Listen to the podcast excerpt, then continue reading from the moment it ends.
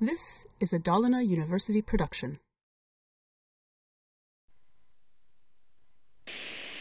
I det här exemplet ska jag visa på två olika for-loopar för att loopa igenom den här arrayen. Eh, så här ser resultatet ut. Jag har skrivit ut eh, arrayen, vad den innehåller, och lite bilmärken.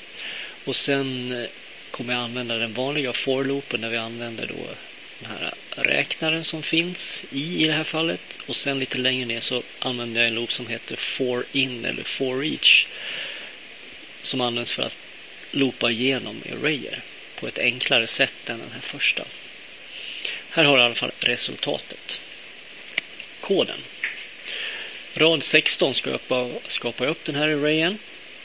Eh, nu gör jag det på ett lite annorlunda sätt. Du kan skapa upp den här arrayen genom att skriva ett eh, objektnamn lika med och så sätter du hakparentesen. Och sen kommer här nu varje element som du vill använda dig av på det sättet. Eh, sen har jag skrivit lite hjälpkod, massa document.write.ln för att skriva ut lite grann till konsolen. Men rad nummer 24 till och med 27, där blir det lite intressant då hur jag använder den vanliga for-loopen för att eh, loopa igenom den här arrayen och skriva ut information ur den. Titta då på hur jag i huvudet för for-loopen först initierar den här räknaren. Nästa del så har jag det här villkoret att i så länge som i är mindre än antalet element i arrayen så kör vi koden och sen räknar vi upp den här räknaren med 1. i räknas upp med 1. Då. Rad 26 så skriver jag ut lite text. Dels skriver jag ut indexpositionen, nämligen i. Den börjar ju på 0. Och sen då med hjälp av den här i så går jag in i arrayen, tar arrayens namn och in en hakparentes så sätter jag det värdet som i har för tillfället i loopen. Först har den 0, sen har den 1 och då går den ju in då på nollpositionen och hämtar och skriver ut datat om den bilen. Och nollan är BMW och eh, sen har vi 2 ettan som är Saab och så vidare. Den där loopen känner ni igen. Får loopen. Däremot är den här lite ny. Rad 33 där vi har den här for each eller for in-loopen. Den kan man läsa på följande sätt. Alltså för varje element i arrayen kör den här koden.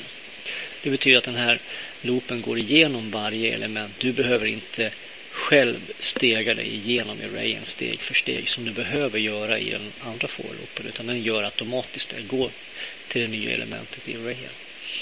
Eh, for, den här for in-loopen eller for each-loopen består av två delar. Dels en variabel som håller reda på vilken position man är på och sen den här som är själva arrayen som ska loopas igenom. Och nu kan jag använda då den här positionen och arrayen för att hämta ut information. Kolla rad 5. Element, i det här fallet den variabeln, kommer att innehålla indexsiffran. Så då kommer den att skriva ut nollan när vi befinner oss på element nummer 0. Sen när vi går till nästa element så kommer att skriva ut 1, 2, 3 och så vidare.